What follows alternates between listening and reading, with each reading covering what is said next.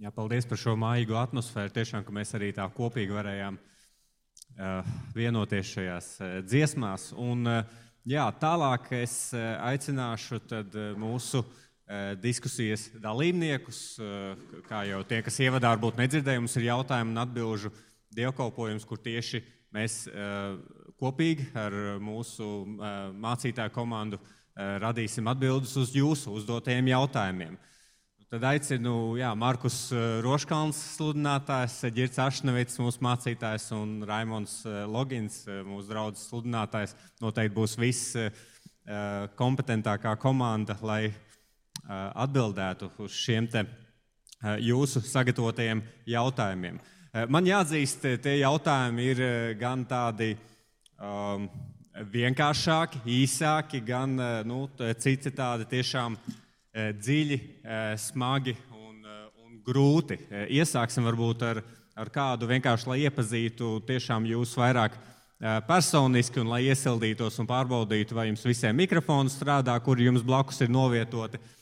Bet mēs visi zinām, Marku, ka tev patīk pārgājieni ārpus tā, ko tu kalpo šeit, mūsu īlāns draudzē. Dažādās valstīs es biju pārgājienos 5 km pārgājiens vai 25 km pārgājiens, ja tev jāizvēlās. Labrīt! Noteikti 25. Tā lai grūti Jā. un lai rītdien jūt vēl. Ja? Nu, ja nu vienīgi ir sanākuši braucieni uz valstīm, kur ir vienā dienā jāiziet vairāki, tad, tad ir labi pieci. Bet, mm -hmm. bet uh, gribās sajust to arī kājās, to efektu. Mm. Nu jā, man viss tādi iesildošie ir par tā, tādām jūsu aktivitātēm. Ģirta, es zinu, ka tu arī daudziem labi piemēru rādi ar tādām pastaigām. Ja? Tev patīk garas pastaigas un, un regulāras un katru dienu, un tu to noturi ritmu. Gara pastaiga agri no rīta pēc pamošanās vai gara pastaiga vēlu vakarā pirms gulētiešanas, ja būtu jāizvēlās? Vēlu vakarā. Lai labāks miegs, ja? Uh, un uh, Raimons mums uh, ārpus kalpošanas šeit, uz, uz skatuves Vīlāns draudzē, ir fitnesa treneris. Nu, kā tad ir, ja jāizvēlās kardio treniņi, skriešana, riteņbraukšana vai spēka treniņi?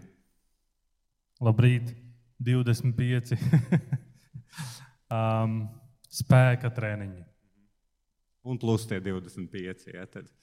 Eh, bet, jā, tad, tad, tad gan es eh, ķeršos klāt mums tādiem eh, mums iesūtītiem jautājumiem. Paldies tiešām par jūsu aktivitāti. Un, man jau te ir norādīts, ka šī ir jautājuma atbildžu dievkalpojuma pirmā daļa. Ja? Parasti, ja mums ir vairāk tie jautājumi, tad, tad mēs taisam arī otro daļu. Nu, bet es pasaku, ka šī ir pirmā daļa. Tas vēl negarantē, ka būs otrā daļa, jo šī tiešām ir pirmā daļa. Bet uh, viens jautājums tāds, uh, tāds uzreiz um, garāks un um, saistībā ar jūsu angļu valodas prasmēm. Mēs tā šobrīd nepārbaudīsim, bet kāds mūsu um, apmeklētājs Vīlāns draudzē ir teicis, ka ir novērojis, ka nu, vairāk gan jaunie sludinātāji, ja, es nezinu, par kuru no jums tas ir domāts, uh, Eh, ļoti bieži savā svētdienās izsakās vai citē eh, kaut ko angļu valodā un lieto eh, daudz anglicismus savā uzrunā.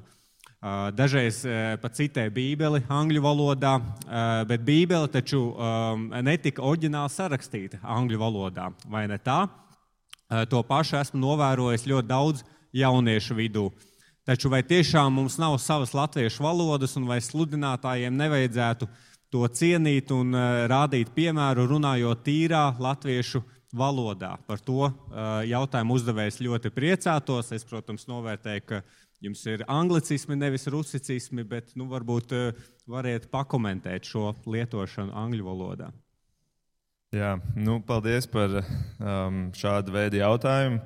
Man patīk šādi veidi jautājumi, jo tas parāda, ka cilvēki ir gatavi izteikties arī tā patiesi, nevis tikai uzdot varbūt, tādus teorētiskus jautājumus un parādīt to, kas, kas rūp.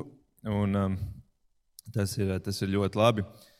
Um, tas ir laikam adresēts mums ar Raimondu. Tad um, no vienas puses gribu teikt, ka man ir liels prieks, ka tiek uzsvērta latviešu valoda un ka arī tā nozīme svētdienās tiek, tiek ne, pacelt, nu, ka mēs arī rādītu to priekšzīmi, ka mēģinam atrast visiem, visiem anglicismiem latviešu tulkojumu. Un es to noteikti atbalstu un, un priecājos, ka citiem tas rūp.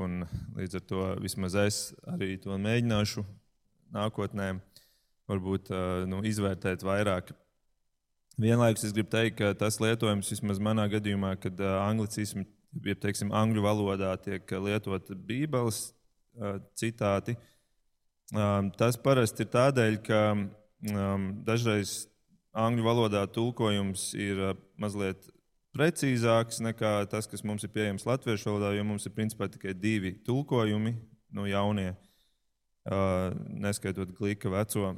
Un, um, un angļu valodā tulkojumi ir ļoti daudz, līdz ar to tur, tā, tur, tur vieglāk ir atrast uh, precīzu trāpījumu. Man ir arī pieejama vācu valoda, bet, ja es lasītu vāciski kādu citādu, tad tas būtu ļoti retam noderīgi.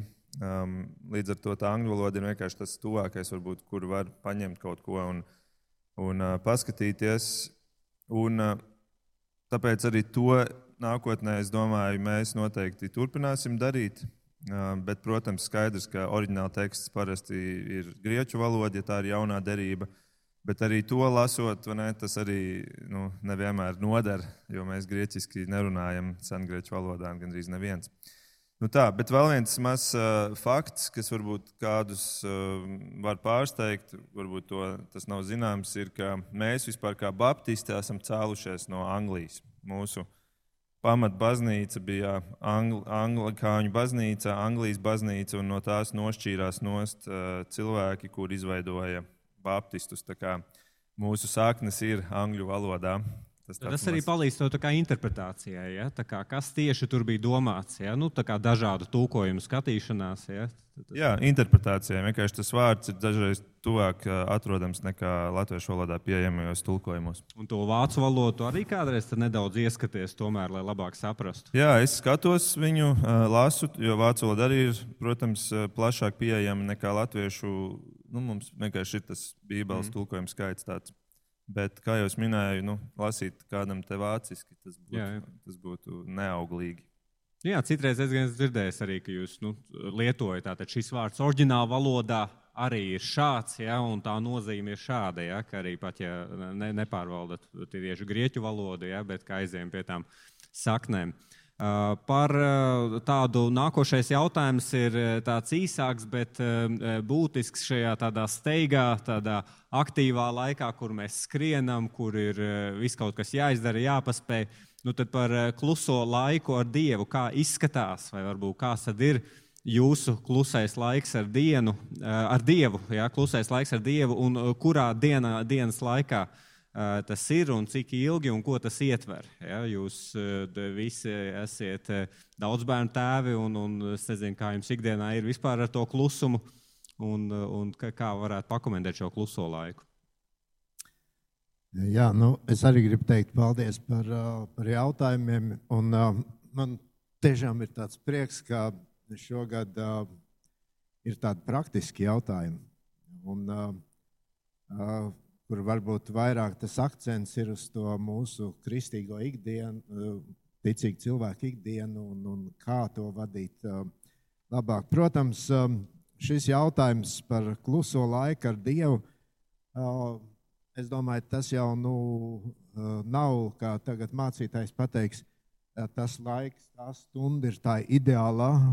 Tikai tā dariet, un citādi nedariet. Kaut gan mēs, lai vienotu tādu draugu un tādu uzsverto draugu kopību, mēs esam izmantojuši uh, atsevišķas stundas uh, vai īpašu laiku, kad uh, mēs aicinām draugu veltīt laiku dievam, lūgšanai, būt šajā kopībā.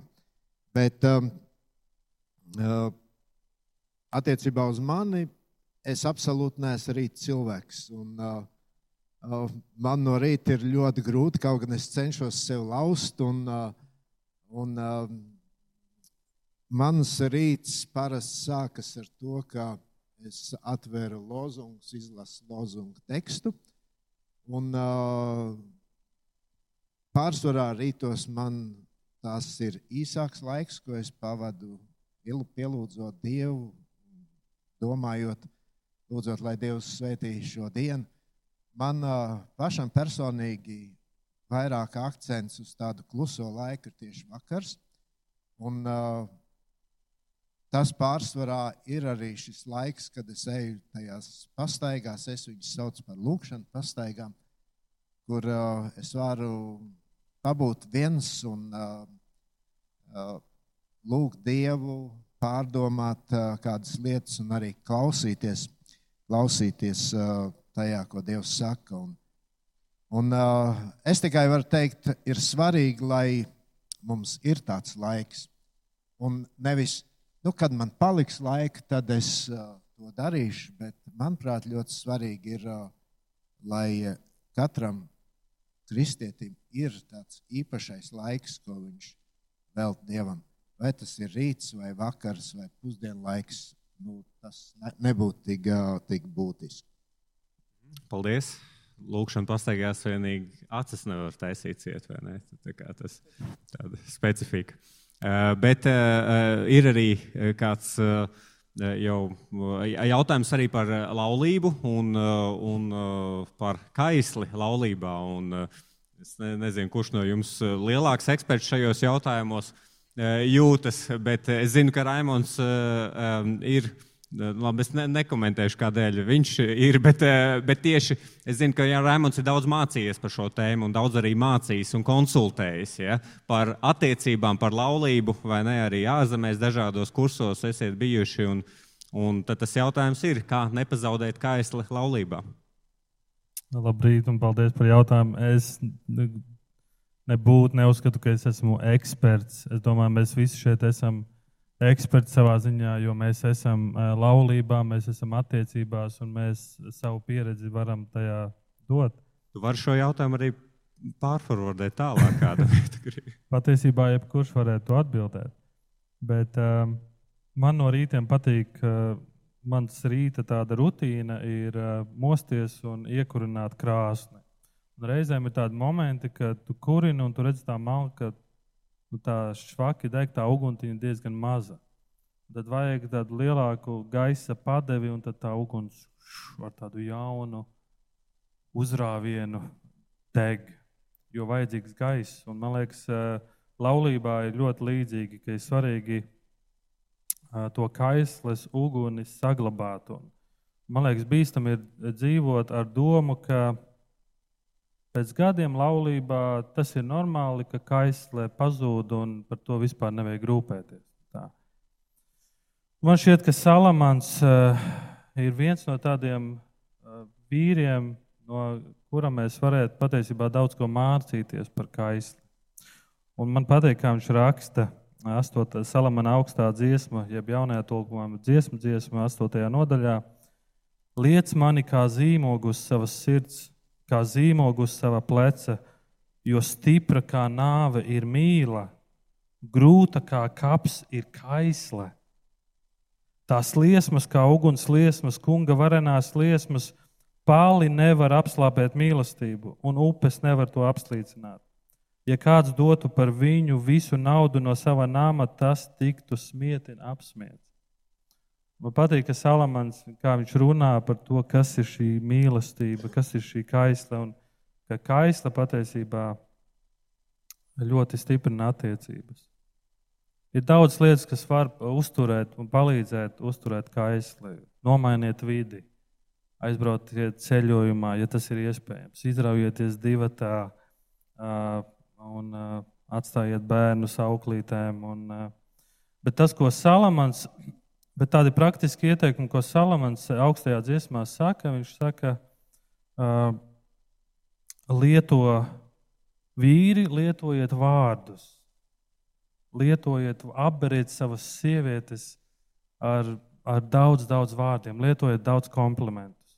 Un, uh, sakiet, kā viņa izskatās, cik labi viņa izskatās. Un, uh, un lasiet uh, ziedoni, vai lasiet vāciet, izmantojiet dzēju, bet lietojiet daudz vārdus, lai uh, teiktu komplimentus savām sievietēm. Un es lasīju kādu pētījumu, ka sievietes dienā vidēji domā 13 negatīvas domas par savu izskatu. Vīrieši cik? Sievietes. Jā, bet vīrieši. Par vīriešiem es nelasīju. Divas. Vīrieši ir noteikti mazāk, bet nu, kā kurš arī. Un tas vien parāda, cik sievietēm ir svarīgi teikt daudz komplimentus. Atkal sievietēm ir svarīgi apbrīnot savus vīriešus. Vīrus, apbrīnojiet savus vīrus. Izdarīt darbu, pasakiet, cik superīgi viņš to izdarīja, kāda vērtība tajā ir. Vai uh, apbrīnojiet, jo vīriešiem tas patīk, vai ne vīrieši? Jā, jā vīriešiem tas patīk. Un sievas, uh, atkal sievas sagaida, ka vīrs izrādīs iniciatīvu. Vīri Esiet iniciatori, izdomājiet, eh, izdomājiet randiņus, izdomājiet pārgājienus vai ceļojumus, bet izrādiet iniciatīvu, jo sievietes to sagaida. Un uh, sievietes, esiet atsaucīgas. Vīri pēc atsaucības ilgojas. Ja, vī, ja vīrs izrāda iniciatīvu, bet sieva nav atsaucīga, tas bieži vien var, var noslēpēt. Bet, ja tā ir, vīri, nepadodieties, turpiniet cīnīties, izrādiet iniciatīvu, parādiet, cik žogiem jūs kāpāt pāri, lai dabūtu to puķu pušķi, vai ne? Un sievietes novērtējiet to un pasakiet, cik daudz tas viņām tas jums nozīmē. Ka vīrietis cīnījās, nevis vienkārši aizgāja pa ceļam, nopirka puķes, bet viņš skrēja, lai nopirktu to puķu pušķi. Viņš sasvīdis, viņš saplēsa bikses vai nezinu. Bet uh, cik svarīgi ir, ka mēs viens otram dodam to pēc, kā patiesībā ilgojamies. Un bieži vien tie ir vārdi. Bieži vien tie ir vārdi. Un, un uh, sievietes, esiet vizuāli dāsnas. Jo tas ir vienīgais, uz ko jūsu vīrs var skatīties un, un aplaimot. Sievietes, esiet vizuāli dāsnas ar saviem vīriem. Un kā pēdējo lietu, uh, es gribētu teikt, ka tāda pamatlieta tajā visā ir Jēzus izsūta savus mācekļus misijā, viņi atgriežas atpakaļ un viņi ir priecīgi un viņi saka, mēs varējām dēmonus izdzīt, mēs varējām dziedināt, apsties, kādas lietas mēs dziedā, darījām. Un zinu, ko Jēzus atbild viņiem? Priecājieties par to, ka jūsu vārdi ir ierakstīti debesīs. Man liekas, ja laulāts pāris ja viņu prieks ir par, par glābšanu, nevis tikai zināšanu, bet prieks. Man liekas, tas ir pamats, pamats laulībai, pamats kaislai, pamats, pamats tik daudzām lietām. Paldies, Raimond, ka uzņēmies šo attiecību eksperta lomu. Tas, tas nevienmēr ir vienkārši, ja, ka, ka ne, nepārsūtīja jautājumu tālāk. Un, un atgādināšu mums arī uh, kādu, nu šķiet, ka pagājušā gada otrajā pusē mūsu draugs loceklis Mārtiņš arī stāstīja un prezentēja, ka ir izdota šī grāmata arī par laulību. Viņa bija iespēja iegādāties, ja, bet kur līdzīgi šie principi arī ir aprakstīti ja, mājaslapā titam2.lv, tad, tad arī ir pieejama informācija par šo grāmatu, kas, par ko mēs arī runājām. Bet, nu, iespējams, esat dzirdējuši teicienu, uh, Eh, cilvēks plāno, Dievs dara. Ja, un, un, un līdzīgi ir citi teicieni, kas, kas eh, šo nākamo jautājumu var ievirzīt. Un, uh, tas jautājums ir, kā tad praktiski paļauties uz Dieva plānu.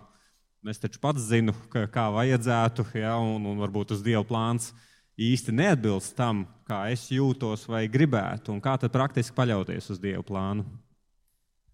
Jā, um, es domāju, ka Es varētu, protams, tagad um, atbildēt uh, tādā teoloģiskā uh, veidā, kā mēs īstenībā arī iepriekšējos kādās jautājumu atbildžu dievkalpojumos esam to darījuši, kad bija jautājums, kā saprast dieva gribu. Bet um, šoreiz tas vārds arī pieminēts ir praktiski. Es domāju, ka kā iz dzīves. Mēs, jā, mēs varētu varbūt tīri praktiski paskatīties uz to. Un, um, es vismaz savā dzīvē, savai dzīvei, un uh, nu, jau es staigāju tā, tā aktīvi, praktiski ar, ar Dievu kādus um, nu, vismaz 20 gadus. Uh, kaut arī es esmu uzaugusi jau kristīgā ģimenē, bet nu, tā, tā paļaujoties uz viņu, es esmu kādus 20 gadus kopā. un esmu pārbaudījis arī šo metodi. Un, un, un tā metode, ja, nu, labi, metode tas izklausās pārāk varbūt, um, formāli, bet tas, tas, kas ir uh, svarīgi, pirmais, lai tu varētu pārliecināties, lai tu varētu būt droši, ka tu ej dieva vadība, vadīto ceļu, ir vienkārši sākumā lūgt par to.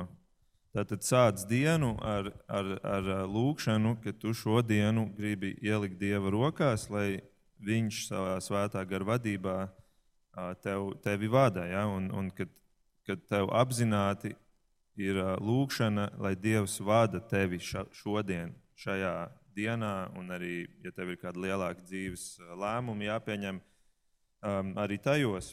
Jo, ja mēs to nedarām, tad, tad tas lielais jautājums ir, jā, vai es, vai es, um, vai ne, vai es um, nu, daru, pieņemu pareizos lēmumus, vai varbūt tomēr man nevajag šo lēmumu pieņemt.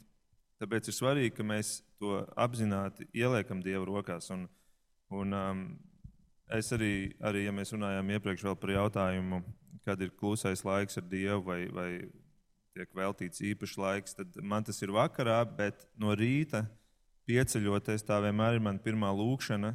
Pirms es sāku pirmo darbu darīt dienā, ka es ielieku Dieva rokās šo dienu, lai Viņš vada viņu.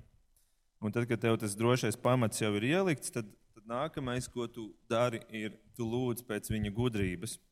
Un mēs esam kaut kad jau pēdējās nedēļās arī runājot par, par svētkrunu tēmām, pieminējuši to, ka lūgt pēc gudrības ir viens no tiem jautājumiem, ja viens no, tiem, viena no tām lūkšanām, kur tu vari būt drošs, ka tev atbilde vienmēr no Dieva puses būs jā. Jo ir ļoti daudzi, daudzas lūkšanas, kur tu nevari vienmēr garantēt, ka Dievs tev pateiks jā. Ja? Piemēram, pēc fiziskas dziedināšanas vai pēc kaut kādām finansiālām problēmām, lai tās atrisina, vai attiecību izaicinājumi nevienmēr tā atbilde uzreiz būs jā. Kādreiz Dievs pasakā nē, kādreiz Dievs pasakā vēl nē. Bet, tad, kad tu lūdz pēc gudrības, tur vienmēr atbilde būs jā. Tā, tas ir tas, ko Dievs sola, ka Viņš to dos tev bagātīgi. Un līdz ar to tu ieliec pirmkārt Dieva rokās šo dienu, otrkārt tu lūdz pēc gudrības. Un tev jau ir ielikts ļoti labs fundaments um, tam, lai tu izietu šodien to ceļu, pa kuru Dievs ir gribējis tev iet. Un, un tad trešais, ko, ko, kas būtu jādara, manuprāt, arī tā tīri praktiski, ir jālieto tas instruments, ko Dievs mums ir devis, proti, smadzenes. Mums cilvēkiem ir dots racionālais prāts, mēs varam analizēt lietas, mēs varam pētīt. Tad, ja man ir jāpieņem kaut kāds lēmums, tad, tad manuprāt, ir, ir nepareizi, kad kādreiz varbūt kristieši saka, nu jā, es tikai tā mēģināšu sajust Dieva nu, dieva prātu vai dieva vadību. Ja, kad Bībele ļoti daudz runā tieši nevis par sajūtām, bet par tavu izpratni, tavu atziņu. Un, un tas ir tas mājas darbs, kas mums ir jāizdara.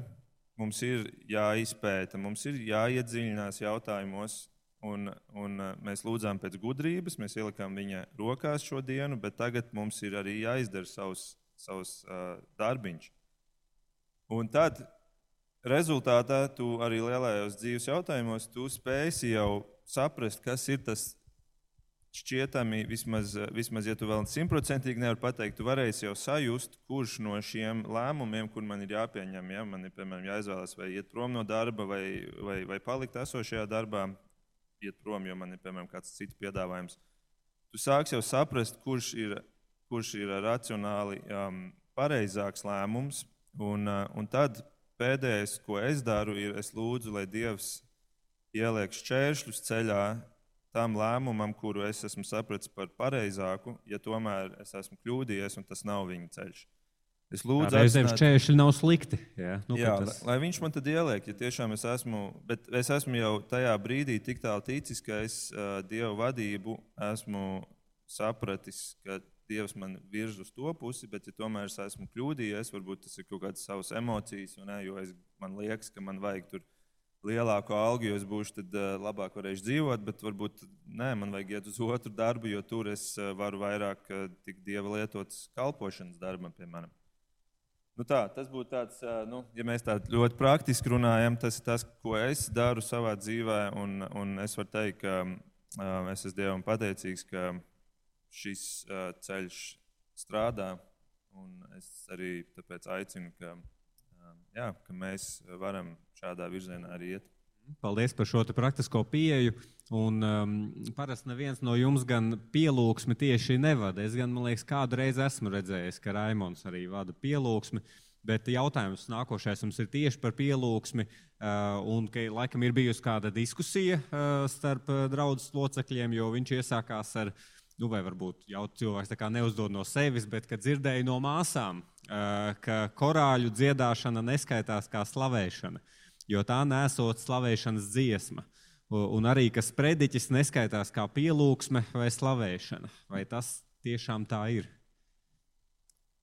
Jā, nu, man liekas, tas ir um, diezgan bieži strīdus jautājums draudzēs.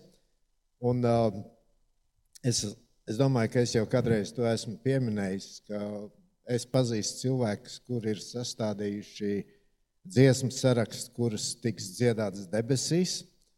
Uh, un, nu, arī tas iedalījums ir, ir tāds cilvēcisks.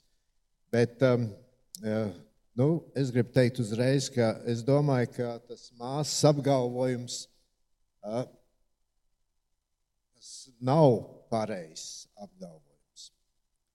Kāpēc uh, gan korāļi būtu slikti? Uh, kas vainas ir uh, uh, kaut vai Dievs kungs ir mūsu stiprā pils vai uh, Svēts ir svēts, ir svēts, ir debesu zemes valdnieks. Mūsu slavas dziesmas, lai viņu godina. Vai tai lūkšanas dziesmai, kāds esmu, tāds es atnāku uz saviem spēkiem, neceru. Es domāju, ka pielūgsme kā tāda ir brīdis, kad mēs kā cilvēki tuvojamies Dievam. Un,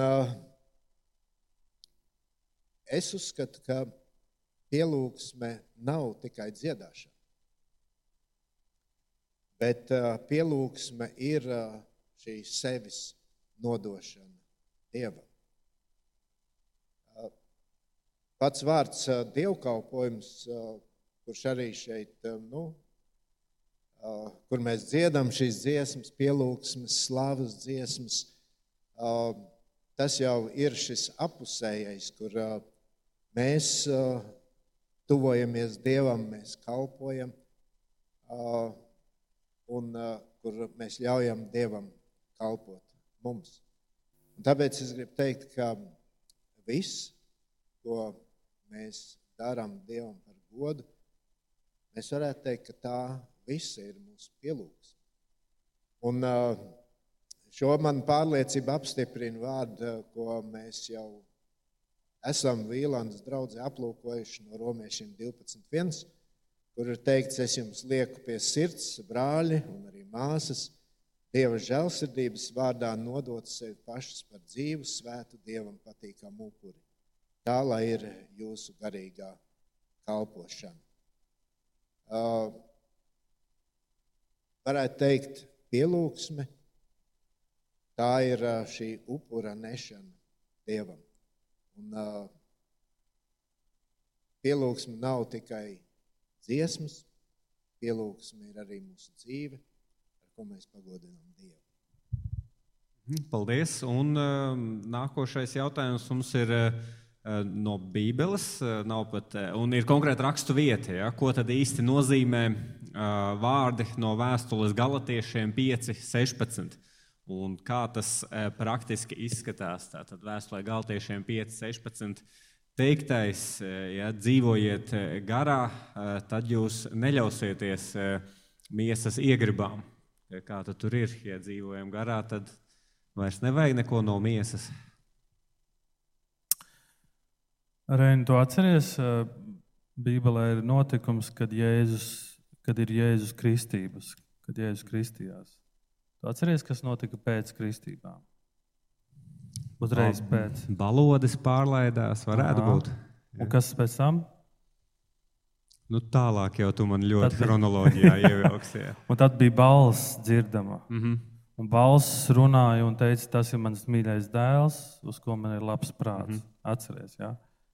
Man liekas, šis notikums parāda, un arī citās vietās uh, balss atskan, kas apliecina, Dievs apliecina, ka tas ir mans mīļais dēls, uz ko man ir labs prāts. Citiem vārdiem, Dievs pasaka, mana vismīļākā persona ir Jēzus Kristus. Tā ir mana vis, vis, vismīļākā persona. Un, un reizēm tu paskaties uz mūsu kristiešu dzīvi.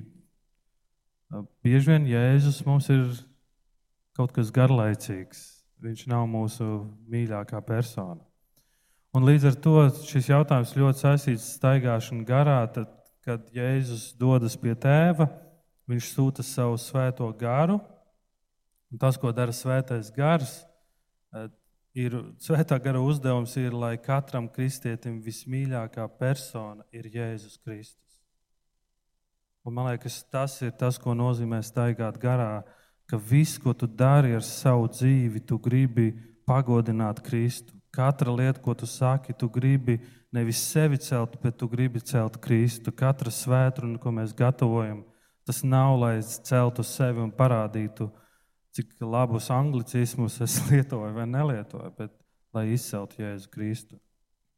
Šajā nodaļā, piektajā nodaļā, Galatiešiem, eh, tur pēc tam vēlāk ir Pāvils runā par eh, miesas darbiem, un tad viņš runā par gara augli. Vienskaitlīgi, bet tur ir deviņi uzskaitīti. Tur ir mīlestība, tur ir prieks, miers, pacietība, laipnība, labestība, uzticība, lēnprātība un savaldība. Un man liekas, eh, staigāt garā, mēs garu saņemam caur ticību Jēzum Kristum, bet staigāt garā nozīmē mums jāturpina staigāt ticībā. Vēstule ebrejiem saka, bez ticības tu nevari Dievam patikt. Nevaram mēs bez ticības patikt. Tāpēc ir svarīgi, ka mūsu dzīve ir staigāšana ticībā. Un ka mēs, tas, ko mēs lasām no rītiem vai vakariem, ka mēs ticībā to saņemam un ticam tiem apsolījumiem, un tajā arī staigājam.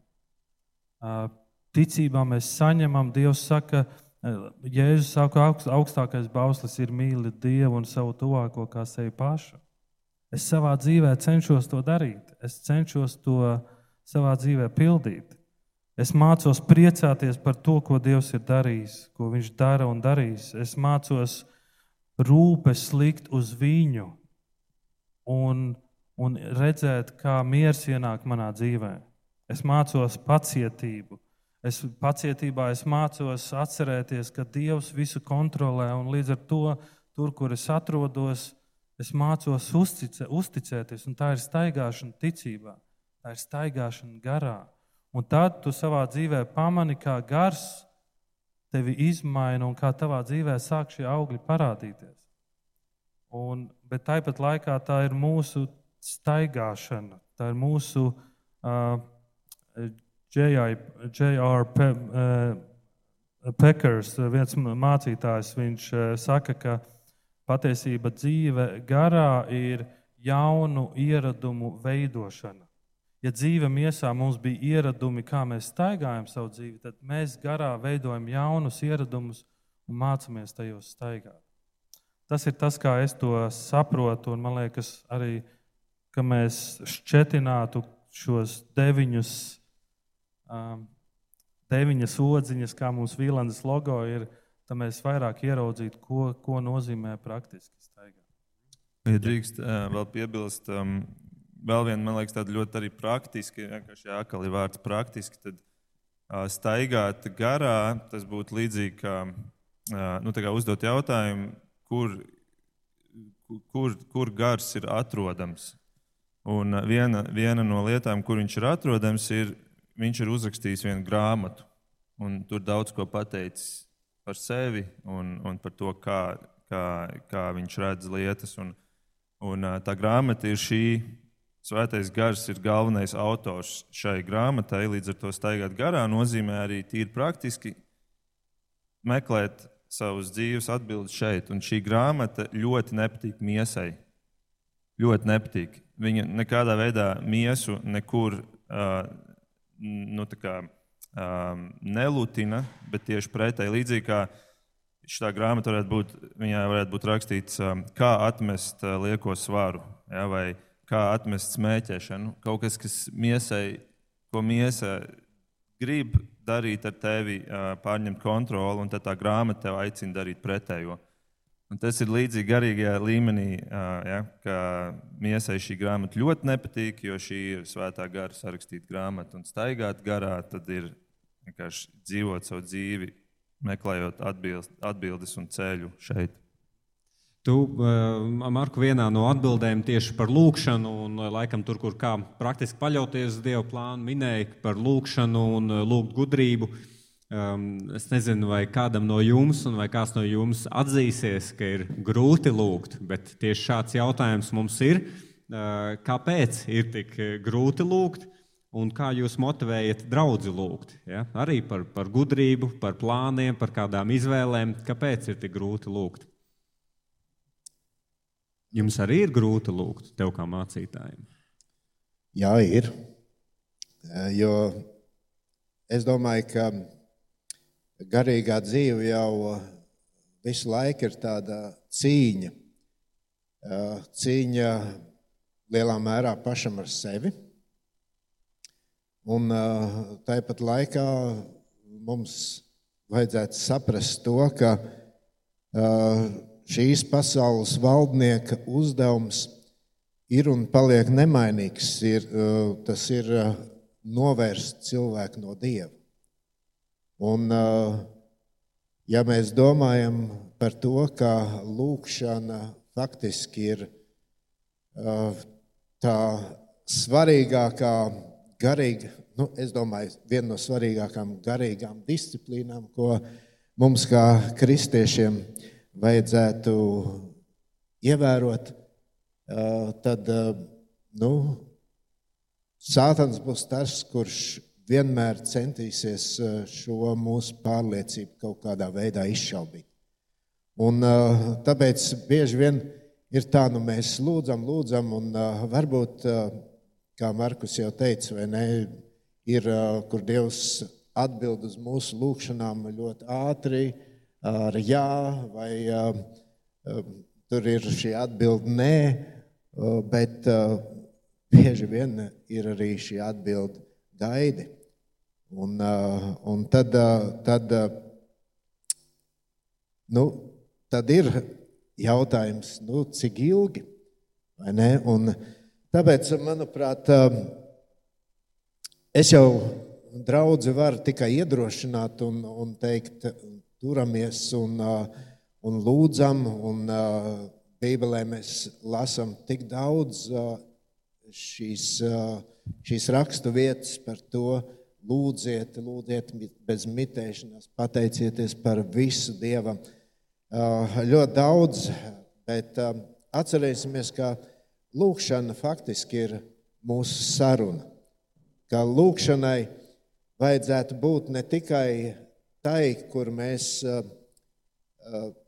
Dievam noberam priekšā visas savas vajadzības un tad sagaidām, ka Nu, Dievs, tagad rīkojies tu.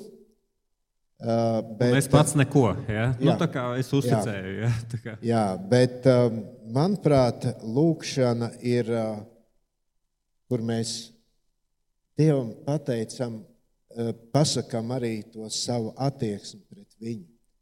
Kur mēs viņu slavējam, kur mēs viņu pateicamies, kur mēs viņam sakam šīs šau, savas šaubas un savus jautājumus. Un, šos lūgumus, bet uh, vēl ļoti svarīga lieta ir, kad mēs uh, lūkšanā arī klausamies, ko Dievs atbild. Klausīties Dievam. Uh, ja nemaldos, es uh, Vīlānas draudzēji kādā svētdienā arī šo piemēru minēju par vienu vīru, uh, kurš um, vadīja draugu, un uh, kurš ilgus gadus pavad, pavadīja nelegālā stāvoklī, jo nu, tur bija jāizvēlas, vai uh, tu ej cietumā, un, uh, vai vadi šo garīgo darbu. Kāds jauns zēns, kura mājās viņš viesojās, gulēja, viņš apmetās tajā istabā, kur šis zēns. Un šis zēns pamožās vienā brīdī un redz, šis vīrs ir uz ceļiem. Un, uh, viņš skatās, uh, jā, viņš tur uh, saka, uh, klusībā saka dievam kādas lietas, un tad ir pilnīgs klusums. Viņš naktas vidū vēlreiz pamostas, un ir klusums. Un viņš pat nedzird, ka viņš elpo šis cilvēks.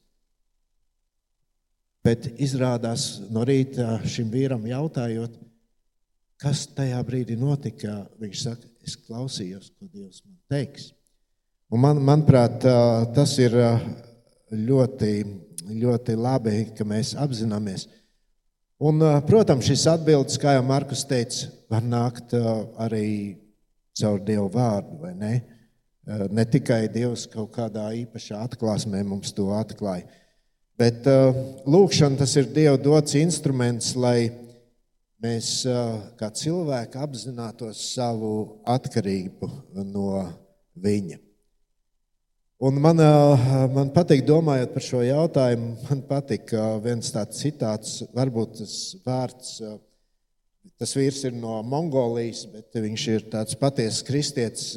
Tas vārds mums varbūt neko neizteiks, bet uh, viņš saka tā, mana pārliecība liek man domāt, ka lūkšana ir efektīva, un tās dienas, kad lūdzam, lai Dievs visu notikušo vērš par labu, nav zaudētas. Tomēr ir stipra sajūta, ka tad, kad cilvēks lūdz, viņš neko nedara. Un šī sajūta liek mums piešķirt nepilnīt, nepelnītu nozīgu, nozīmīgumu darbam, reizēm steigā aizmirstot vai vispār atstājot lūkšanu novārtā. Un, jā, tas ir, kad mēs pazaudējam to sajūtu, cik mēs esam atkarīgi no Dieva. Kad mums liekas, ka Nu, man pašam jau tas ir jāizdara. Bet uh, tā problēma ir, ka bieži vien mēs kā cilvēki izmēģinām pilnīgi visu citu, un tad atceramies par lūkšanu. To man vajadzētu būt otrādi, sākt ar lūkšanu. Un, uh, tad klausīties, ko Dievs mums liek darīt un ko Dievs mums ar savu vārdu atklāja, kas mums ir jādara. Jā, un tā kā teica, ir, ir jā vai nē, un tā gaidi, laikam, ir tāda grūtākā atbilde. Ja? Es jā. domāju, arī tā ikdienā, ja, ja mēs kādam kaut ko pajautājam, es, es uh, aicinu un ceru, ka neviens no jums, piemēram, uz kādu no nākamo jautājumu, ko es pajautāšu, man nepateiks.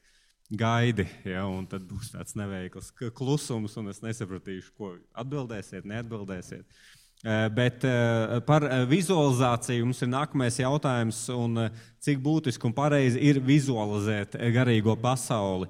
It īpaši Jēzu, mūsu iekšējā sarunā ar Dievu, lūkšanās, ikdienas domās, ehm, nu, ar vizualizāciju un, un tādu parādīšanu un mākslu. Es zinu, ka Markum arī ir cieša saistība, ja, un, un cik svarīgi ir vispār vizualizēt. Yeah. Es varu atbildēt uz šo jautājumu, bet uh, tas, ko tu iepriekš teici par to gaidīšanu, tad um, savā ziņā visi tie, kuri šodien nedzirdēs savu atbildi, savu jautājumu, ja, tiem, tiem ir tā atbilde no mūsu puses gaidiet. gaidiet gan jau, ka būs vēl otrais dievkalpojums, varbūt vēl trešais, jo jūs ļoti daudz jautājumus iesniedzat. Gaidiet, esiet pacietīgi. Um, par vizualizēšanu es teiktu, lai gan arī man ļoti patīk vizualizēt visu kaut ko, un es pats savā prātā daudz ko vizualizēju, un arī svētrunas mēģinu struktūrēt tā, ka es varu viņu tā vizualizēt priekš sevis, lai man ir skaidra struktūra. Par spīti visam tam es teiktu, ka vizualizēt um, Dievu, garīgo pasauli, Jēzu nav vajadzīgs. Un kāpēc nav vajadzīgs? Tāpēc, ka Um, otrais bauslis skan tā, ka tev nebūs veidot um, alku tēlus. Ja, un, un um, atkal, ja mēs ņemam anglisko tulkojumu vai oriģinālu tekstu, tad tur, tur pat nav uzreiz pateikts vārds elku. Tur ir vienkārši darinātus tēlus, um, tēlus kas vizuāli tev kaut kādā veidā palīdz ieraudzīt to dievu viņā. Un, manuprāt, tā, tā bilde ir līdzīga arī prāta līmenī, ka nav, mums nav vajadzīgs kaut kādā veidā iztēloties, kāds izskatījās Jēzus, kāds izskatās Dievs Tēvs. Um, ja, un, un, un, kā jūs redzat, arī esot Baptistu baznīcā, mums viss ir ļoti vienkārši šeit. Mums ir tikai viens krusts, uz kura pat Jēzus nekarājas, kā ir citur. Viena mums... ikona īsti, jā. Baltas sienas, un tas ir tas, kas Baptistu baznīcās viscaur Latvijai un, un arī citur pasaulē jūs redzēsiet, ir ļoti liela vienkāršība. Kāpēc? Tāpēc, ka uzsvers daudz vairāk ir uz vārdu, uz to, ko Dievs grib mums pateikt caur atziņu, nevis uz kaut kādām vizuālām lietām. Un, un, un, un tā ir apzināta pieeja. Tas nav tāpēc, ka Baptisti ir nabadzīgāki vai tam līdzīgi kas noteikti arī ir, ir tā arī ir, jo tas mums tiešām nav tik liels uzsvers kā citām konfesijām. Bet, var sakot, Dievs jau savos desmit baušļos ir pateicis, nevizualizē. Kāpēc? Tāpēc, ka tu, tev būs liels kārdinājums to pēc tam pielūgt. Un, un, ja tu to darīsi arī prāta līmenī, tur arī var būt tā, ka tu izveidoji kaut kādu bildi par Dievu, un, un, un ka tā, tā būs tas, kas, kas tev var vilkt pretī. Un, um, um, ja tu gribi redzēt Dievu, tad, ja Jēzus Kalns vētrunā Mateja 5, 7 saka, ka sirds šķīstie redzēs Dievu. Tā kā cenšamies uh, tiekties uz šķīstām sirdīm, un jo vairāk mēs uz to tieksimies, jo vairāk mēs, es ticu, redzēsim Dievu. Nevis kā tādu vizualizētu, varbūt tēlu savā galvā, bet um, redzēsim Dievu viņa skaistumā, viņa um, īstumā, viņu i, i, patiesumā. Un, uh, tās sirds šķīstums ir tas, kas noņem nost tās, šķēršļus, lai mēs varētu uztvert Dievu. Un tāpēc, manuprāt, tas ir daudz svarīgāk. Manuprāt, tas ir tas, ko Bībele arī māca. Ja, visi ir caur sirdi. Nevis āršķirīgas lietas dari Dievam, bet bet kāda ir tava sirds, skaties uz to primāri. Un tad arī tu vari ieraudzīt Dievu. Mhm, paldies. Uh, un uh, nu, vēl ja par to, tad tieši nākamais jautājums arī ietver skaistumu, ja, par, uh, arī saistīts ar vizuālo, varētu teikt, bet, bet citā virzienā tomēr. Kā parādīt kristietības skaistumu tam, kuru vilina pasaule. Ja, vienmēr ir tas nošķīrums starp pasauli un kristietību. Un, uh, un kā īsti eh, runāt varbūt, par kristietību ar tiem, ja es varu papildināt šo, ko mēs redzam, kā tad runāt par kristietību ar tiem, kuri ir no pasaules. Kā tu to savā sporta zālē, Raimond, dari? Jums ir bijis kādreiz tā, ka jūs atrodaties ar cilvēkiem, jūs viņiem ar saviem draugiem, jūs viņiem jautājat, kā iet. Un tev draugi atbild, iet slikti, un tad viņi sāk uzskaitīt lietas, cik slikti iet. Un, un tad tev jautā pretī, kā tev iet, vai ne? Un, un, un tu zini, ka tev iet labi. Un, bet tāpēc, ka tam cilvēkam vai taviem draugiem iet slikti, tu to labumu mēģini apslāpēt. Tev ir tā bijis, ka tu mēģini apslāpēt un neizklausīties, ka tev tik labi, lai būtu tāds līdzcietīgs. Citādi, ka viņam vēl sliktāk tā sajūta. ka viņam vēl būtu tā sajūta sliktāka. Es bieži vien esmu tā jūties, un es bieži vien esmu bijis tāds, no nu, labi, es nestāstīšu, cik labi man iet, vai citādi ir ok. Jā, ir, nu, ir ok, un tā tālāk. Vai es sameklēšu lietas, kur pateikt, ah, oh, man tur neiet labi, tikai lai būtu tāds, es nezinu. Man liekas, bieži vien mēs garīgi jūtamies, mēs garīgi rīkojamies tāpat. Mēs bieži vien apslāpējam to kristietības skaistumu. Kristietības skaistums ir Jēzus Kristus evaņģēlijs. Tas, ko cilvēks nav spēj, spējis paveikt, to ir paveicis Dievs. Un tas ir kristietības skaistums, ka mēs spējam cilvēkiem parādīt evaņģēliju. Tur rakstīts, kā parādīt kristietības skaistumu tam, kuru vilina pasaule, kuru nevilina pasaule. Visus vilina pasaule, vai ne? Bet man liekas, evanģēlijs ir tas, kas cilvēku izmaina tik ļoti no iekšienes uz āru, ka tam jābūt būtu redzamam. Un Bībelē mēs lasām, uh, mīlēt savus ienaidniekus. Pāēdiniet, padzirdiet. Jūs ne tikai parādīsiet, jūs pārsteigsiet viņus. Um, vīri, mīliet savas sievas, sievas mīliet, mīliet savus vīrus, ja arī laulībā iet ļoti grūti. Tas parādīs evaņģēlijas skaistumu, tas parādīs kristietības skaistumu. Mācies piedot arī tad, kad ir grūti piedot, un tu nespēji tikt ar to galā.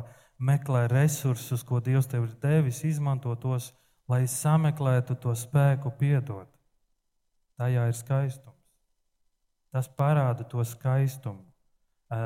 Nebaidies izskatīties un izklausīties muļķis citu priekšā, jo evaņģēlijas ir muļķība pasaulē. Tas ir skaistums. Tad evaņģēlijas ir tas skaistums, un mums jāmācās nebaidīties, izskatīties, izklausīties kā muļķiem.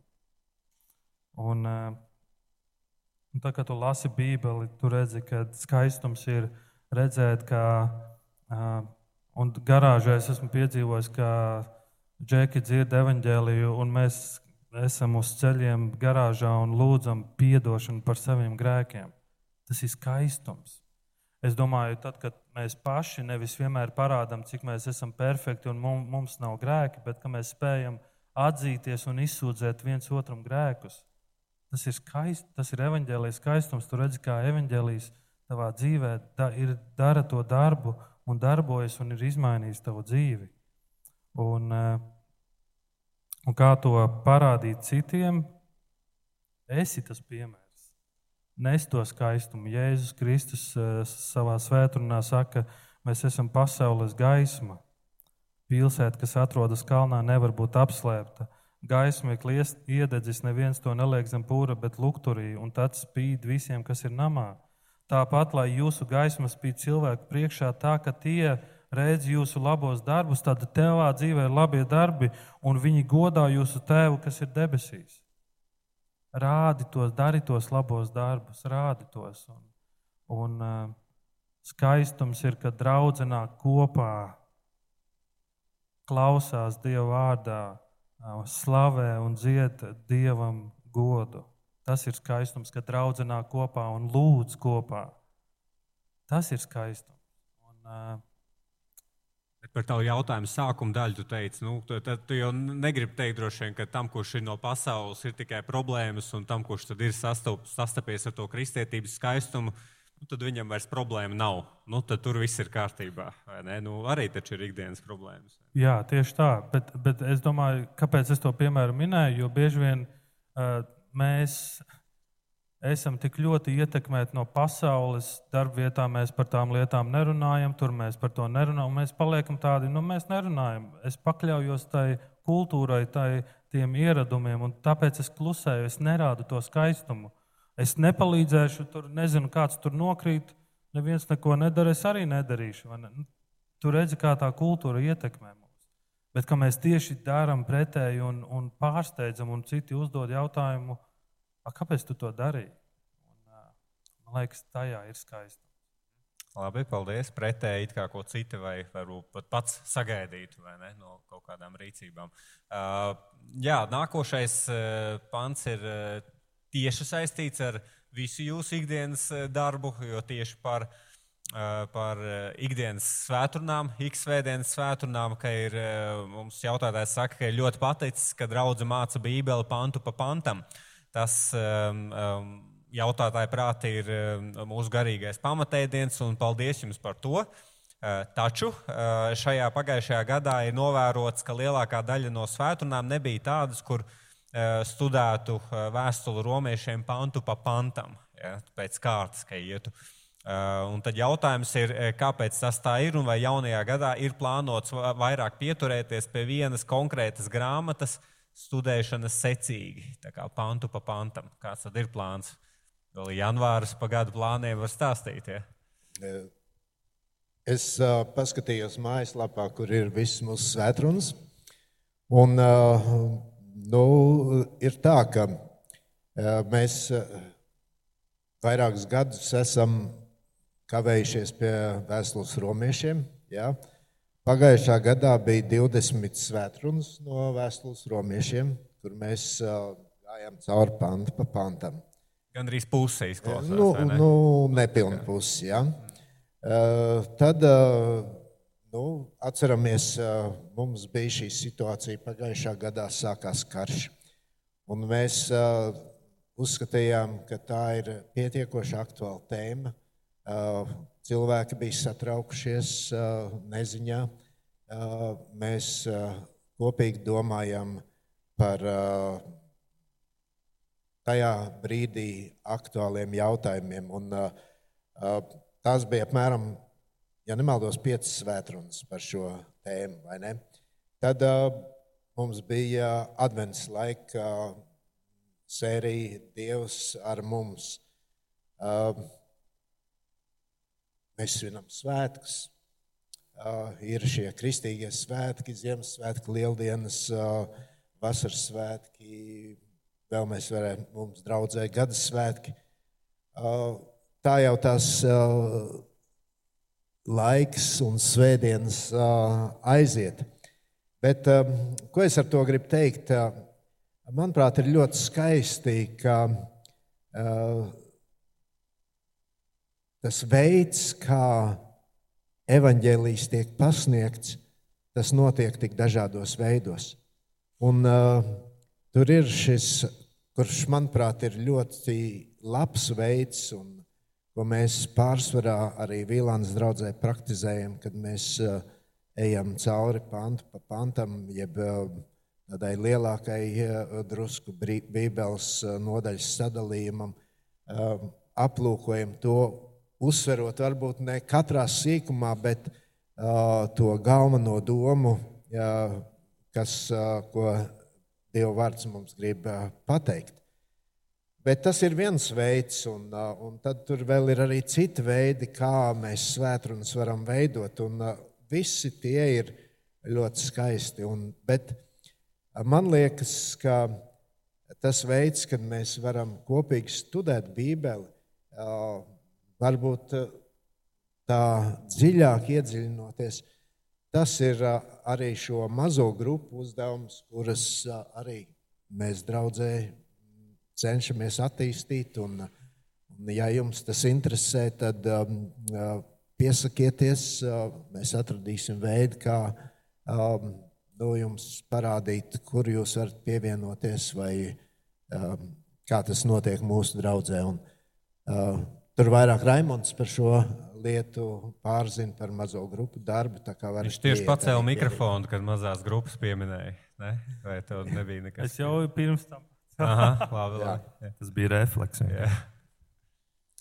Jā, bet um, vai mēs šogad uh, domājam? Jā, mēs domājam, mēs uh, tūlīt, tūlīt beigsim vēstuli romiešiem. Un, uh, mēs domājam, atkal kādu Bībeles grāmatu iet cauri. Bet uh, es domāju, tas veids būs tieši tāds pats. Tās nebūs svētdienas no svētdienas, bet mēs ļaujam arī, lai Dievs vada mūsu domas, un uh, Dievs kādreiz liek pavisam kaut ko citu tev sirdī, kas ir jāsaka draudzēji. Manuprāt, ir svarīgi arī klausīties, ko Dievs liek darīt. Mhm, paldies. Un uh, nākošais mūsu jautājums ir īsāks un tāds par tādu cēloņu sakarību varētu teikt, ja grēku dēļ mums pienākas mirt, tad kāpēc nepietiek grēku atmaksai ar mūsu nāvi? Tāda, tāda cēloņa sakarība, ko tu par šo saki? Kāpēc nepietiek ar nāvi? Ar nāvi pietiek, bet nāve sastāv no divām daļām. Ir fiziskā nāve un ir garīgā nāve ir eh, pirmā nāve un ir otrā nāve. Piemēram, atklāsmes grāmatas 21. Eh, nodaļā, 8. pantā ir teikts, bet bailīgajiem, neticīgajiem, apgānītājiem, slepkavām, netikļiem, burvjiem, elku kalpiem un visiem melkuļiem būs sava daļa degošā sēra ugunsjūrā. Tā ir otrā nāve. Un, eh, līdz ar to grēka dēļ mēs esam pelnījuši nāvi, bet nāve sastāv no fiziskās nāves, kur mēs nomirstam savā ķermenī, miesā, un no garīgās nāves, kas ir, kas ir šajā gadījumā, kā mēs tikko lasījām, kas ir elle, kas ir mūžīgā pazušana. Un tāpēc jau cilvēki arī tur nonāk sava grēka dēļ, jo tā ir tā otrā daļa tai, tai nāvei. Šī nāve sastāv no divām pusēm. Atcaucoties Kristus evaņģēliem, Kristus glābjošajam upurim, mēs tiekam atbrīvoti, izglābti no otrās nāves. Bet, kā jau mēs zinām, visi kristieši nomirst pirmo nāvi. No tā Dievs mūs neizglābīja Un paldies viņam par to, jo mēs negribētu šeit mūžīgi dzīvot šajā kritušajā miesā. Tāpēc pirmā nāve mums paliek visiem, bet tas, ko, ko Kristus izdara, viņš mūs izglābi no šīs otrās nāves. Paldies. Un tad, ja, ja reiz arī runāja par divu veidu nāvēm, tad, tad arī par tādām atšķirībām. Uh, Skatos, kā mēs te vizuāli esam diezgan līdzīgi jāatzīst, saģērbušies vai pat uh, izskatāmies, bet jautājums ir, vai kristietim ārēji ir jāšķiras no nekristīga cilvēka. Te diezgan plaši var šo atbildēt, vai tieši pa vizuālo tas ir tēlu drēbēm, varbūt, vai nu, kristietis un tetovējumi vai, vai piercingi vai tāda, tādas lietas, cik, cik plaši tur Raimonda šo varētu skatīties. Ir, ir jāšķiras, varbūt sāc ar jā vai nē, vai ir vizuāli jāšķiras. Jā un nē. Mm -hmm. Kā vāciski tas vāciešiem tas jāina, vai kaut kā. Jā un nē, tāpēc, ka um, studējot teoloģiju, teologi uh, pētot uh, Kristus personu, viņi iedalīja, viņi apskatīja Kristus cilvēcisko dabu un Kristus dievišķo dabu. Viņi saprata, ka tur ir abas tās, un Kristus tās apvieno. Un, un interesanti domājot, starp citu, labs jautājums. Paldies par to. Un interesanti uz to skatoties, ir, ka uh, tu lasi rakstos, un tu redzi, un tu, tu domā, uh, kad Jēzus Kristus auga, Uh, viņš spē, nu, iespējams, viņš spēlējās ar citiem bērniem. Iespējams, ka viņš, uh, uh, nu, viņš darīja daudzas lietas, ko citi, citi bērni darīja. Un, uh, un Jēzus, kad viņš auga, viņš dzīvoja tajā pilsētā, tajā, tajā kultūrā, un, un ilgus gadus neviens, ļoti, ļoti daudzi to nepamanīja, ka patiesībā mūsu vidū ir Dievs. Nu, kā galvenais, jā, īpaši tā. Kā galvenais, ka viņš iekļāvās, viņš iekļāvās kultūrā, viņš iekļāvās tajā vidē, viņš ģērbās šajā kultūrā ģērbjas, un viņš ievēro tās tradīcijas, ko jūdu tauta ievēro. Un, tu, un neviens nepamanīja, ka viņu vidū aug ir Dievs. Tā tad vizuāli nav jāšķiras. Un tu redzi, ka patiesībā tur, tur nav nekāda atšķirība. Ne? Un, un es domāju, mēs. Nu, uz mums paskatoties, mēs ievērojam to stilu, ko lielākā pasaules daļa ievēro.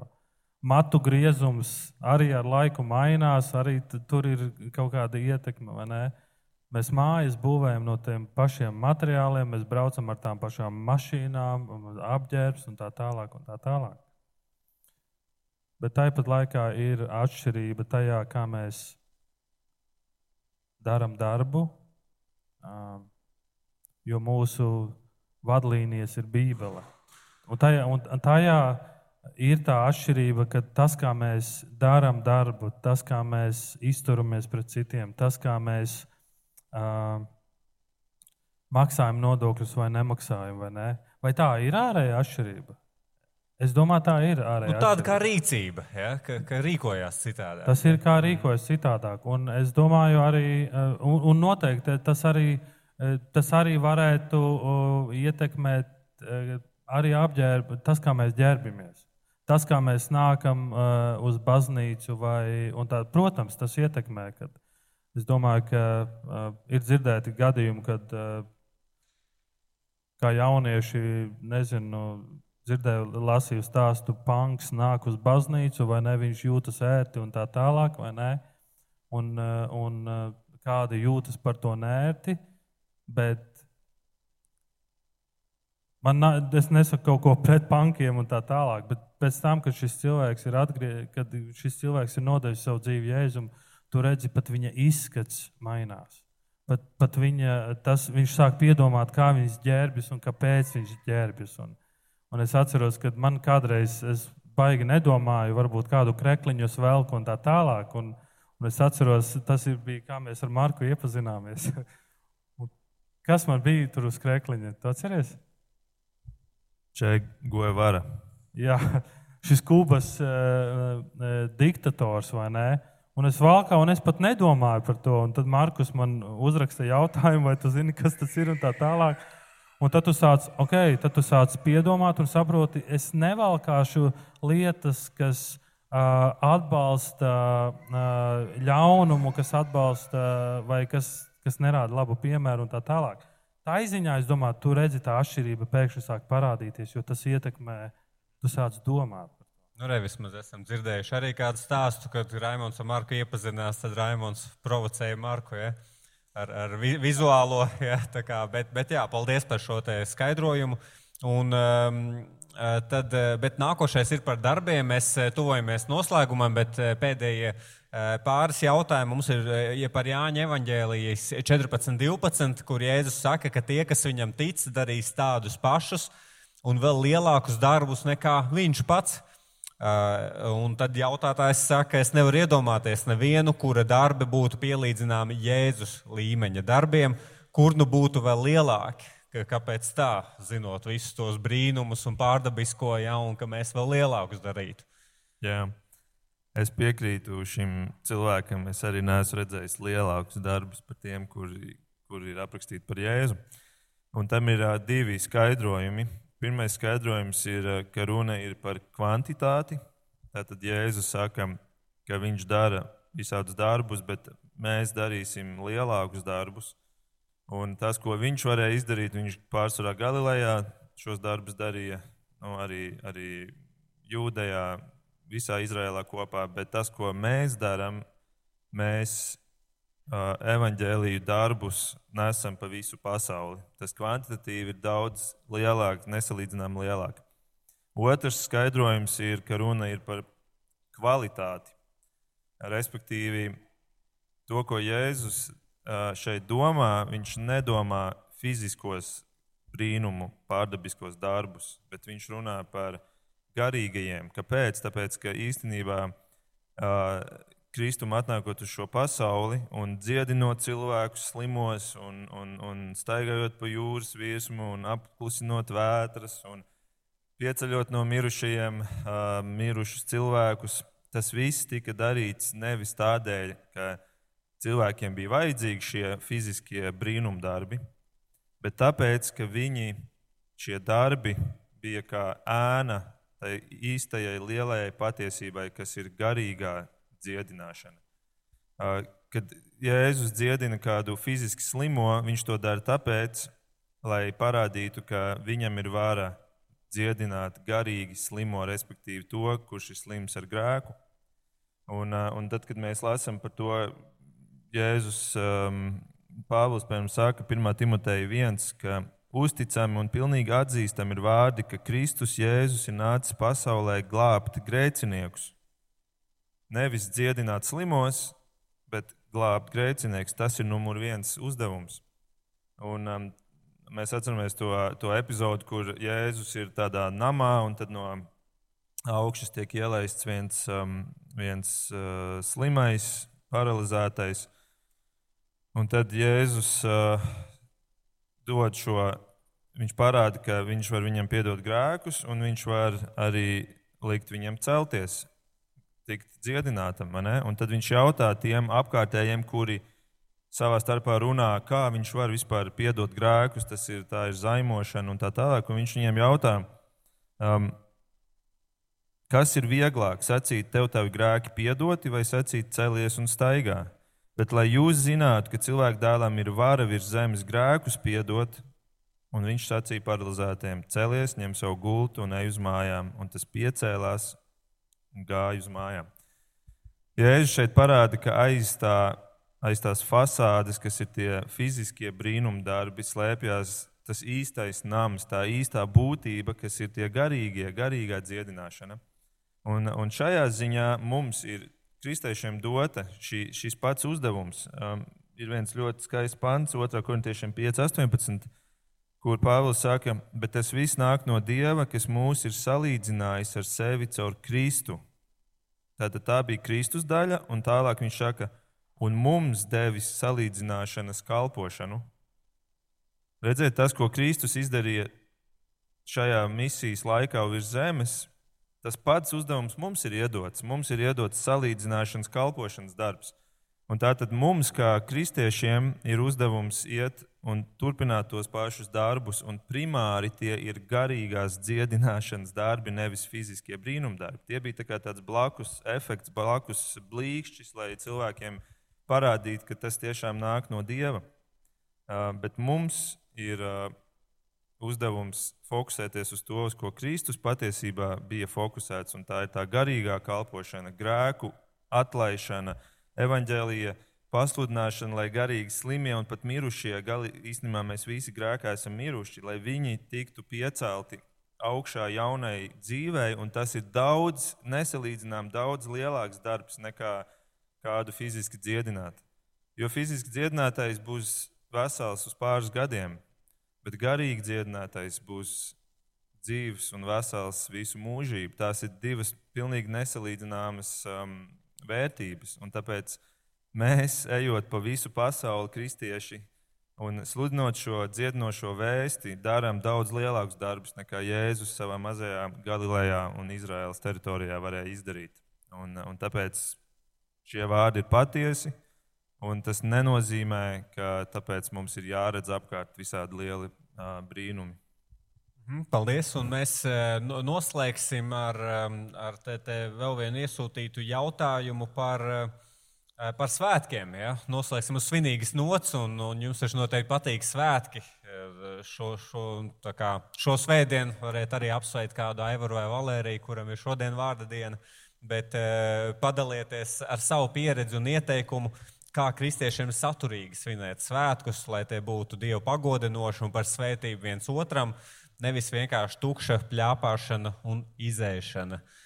Izēšanās, pievienošanās sevis, kas arī, protams, svarīgi svētkos, bet, eh, bet kā tad saturīgi pavadīt svētkus? Jā, man, eh, man patīk šis jautājums, jo eh, te ir, varētu teikt,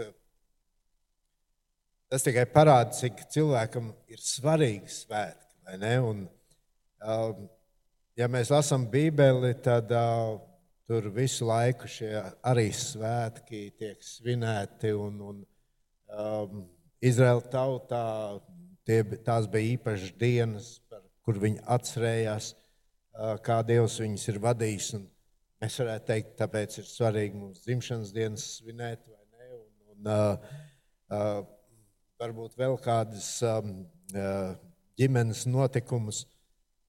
Um, jā, bet uh, es domāju, ka svētkus svinēt uh, faktiski tas norāda uz to, ka mēs kā cilvēki mēs esam vajadzīgi viens otram. Nu, tu jau viens pats varbūt svētkus uh, nesvinēsi, kaut gan kādreiz varbūt arī der vienam pabūt, vai ne? Un, un, Uh, tur uh, kafijas krūzīt priekšā un kūks gabaliņu un, un uh, kaut kādas svētkus viens pats tu vari nosvinēt. Bet svētki ir mums kā kristiešiem arī iespēja parādīt to, ka šodienas pasaulē svētkus var svinēt citādāk. Es atceros, ka 40, vairāk kā 40 gadus atpakaļ mēs svinējām mūsu laulības. Un, uh, mums tas rada pulks ir diezgan plašs, un uh, diezgan daudz cilvēku bija uz mūsu kāzām. Uh, un tad uh, no vairākiem radiem uh, nācās uh, dzirdēt uh, tādu secinājumu. Mēs nemaz nezinājām, ka kāzas var nosvinēt arī tā. Uh, bieži vien nu, cilvēkiem ir tas priekšstats, nu, svētki, lai būtu jautrība tur vajag daudz alkohola vai nē, galdos un, un tā tālāk. Cilvēki nemaz nemāks svinēt citādāk. Bet uh, es domāju, svētkus var svinēt arī citādāk. Un, un, uh, nu jā, par to ēšanu ir tā. Uh, nu, man liekas, ēšana vienmēr ir bijusi svarīga svētku sastāvdaļa? Un, uh, mēs varam paskatīties uh, arī Bībelē šos notikumus, kur viņi sēž pie galda, Jēzus kopā ar mācekļiem bija pie galda, baudīja maizi. Tas ēdiens varbūt uh, bija tāds, kāds uh, tajā laikā bija. Protams, mēs svētkos liekam visu to labāko, bet jā, man arī liekas, ka bieži vien mēs pārspīlējam. Tad nu, pēc svētkiem nākas tik daudz ko izmest ārā. Un tad ir žēl, varbūt ir vērts padomāt, kā var kādus iepriecināt, kurus, kurus tie svētkiem nav atnākuši, un, un padalīties ar to. Mēs iesākām ar šiem te, ātriem, tādiem īsiem jautājumiem. Es pavisam noslēgšu. Vēl vakar bija iespēja Instagramā cilvēkiem uzdot jautājumus. Paldies, bija liela aktivitāte un tiešām tur daudz jautājumu tika iesūtīti. Noslēgsim tikai ar vienu, jo man jau te ir tāds gods ne, ne tikai man tāda intervija ar mācītāju sanāk, bet ar veselu trīs mācītāju komandu. Un viens no jautājumiem tur bija Eh, kas tad ir, eh, kas bija iesūtīts Instagram, kas tad ir grūtākais eh, mācītāja vai sludinātāja kalpošanā, tā, tādā ikdienas kalpošanā, kas tad ir grūtākais. Te var noteikti dziļi un gari stāstīt, bet tā kā mēs ar tādu īsākām atbildēm, tad aicinu katram no jums atbildēt, kas jums ir grūtākais mācītāja vai sludinātāja kalpošanā. Un paldies tam, kas iesūtīja šo jautājumu. Viss ir viegli. Viss tāds sas, saskums vai arī grūti. Nu, man, man, es varbūt tur pirmais atbildēt, es vēl neesmu pilntiesīgs mācītājs, man ir, eh, nav pilna laika kalpošana. Tāpēc manā gadījumā varbūt tas grūtākais ir atrast laiku, lai vairāk būtu draudzes aktivitātēs, ko es ar sirdi gribu, bet tajā formātā to ir nu, mhm. izaicinoši tā arī piepildīt. Paldies. Man, es atceros, tu diezgan nesen vēl vienā sētunā teici, ka grūti, ka, ka braucot uz Ukrajinu, tu teici, ka tev, um, nu, tā ir lielāka atbildība arī? Nu, ka tev ir tas dots kā kalpošana, bet arī kā liela atbildība. Ja? Um, kas jums ir grūtākais? Vai viss ir labi varbūt? Nevajag jau spiest, ja nav to grūtību. Protams, ir daudzas lietas, ar ko jebkurš mācītājs kurš arī ir cilvēks, cīnās. Un, un, bet man, skatoties uz to laiku, kad, es, kad Dievs man aicināja kalpot, man liekas, tas grūtākais ir palikt tam, kas tu esi. Un,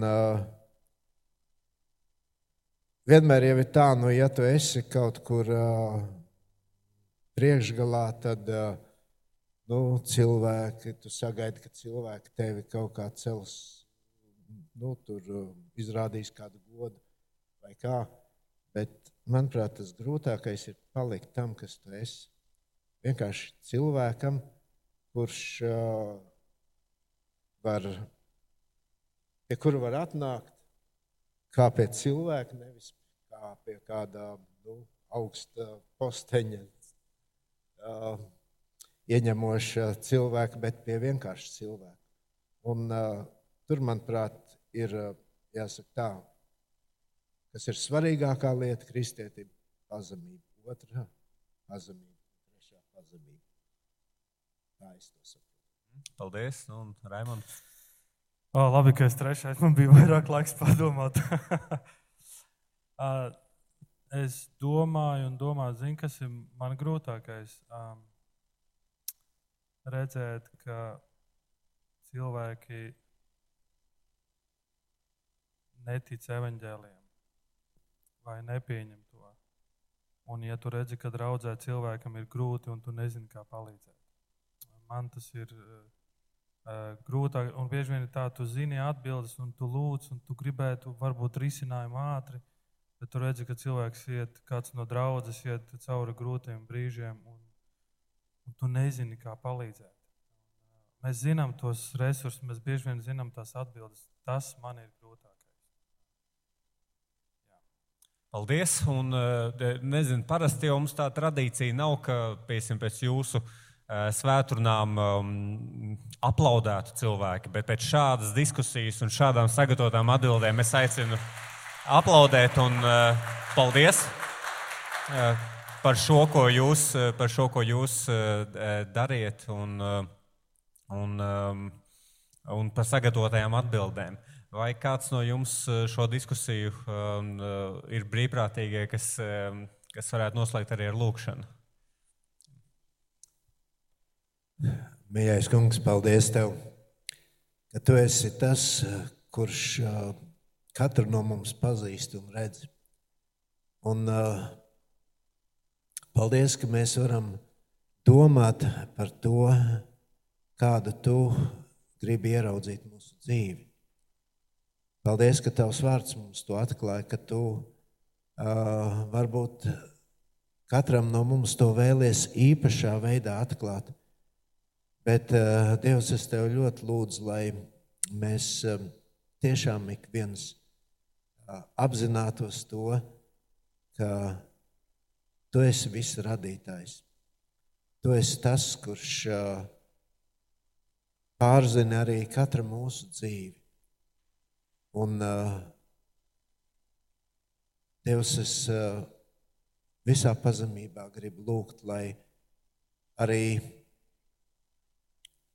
tās lietas, par ko mēs šodien varējām runāt. Lai eh, tas nav tikai tāds eh, mūsu ziņkāres apmierinājums, bet lai tiešām, kungs, to arī palīdzētu mums vairāk par to domāt, eh, pieņemt to, ko tavs vārds māca, un praktizēt to mūsu dzīvēm. Debes Tēvs, es tev ļoti lūdzu, svētīt draugu, svētīt vienu, kas um, šos jautājumus ir uzdevis, un uh, arī ikvienu, kas um, dzirdēs šīs atbildes. Lai uh, tas mūs stiprina, lai tas mūs iedrošina, lai tas mums ļauj paļauties uz tevi un ar cerību raudzīties arī uz priekšu. Jo tu esi apsolījis, ka tu esi visu kontrolē. Tu neļauj pat mūsu matam nevienam izkrist bez tavas ziņas. Un ir tik labi to apzināties, jo tik liels esi tu, Dievs, kuram mēs ticam, kuram mēs varam kalpot. Paldies par šo iespēju. Svētī mūs kopīgi to darot. Amen.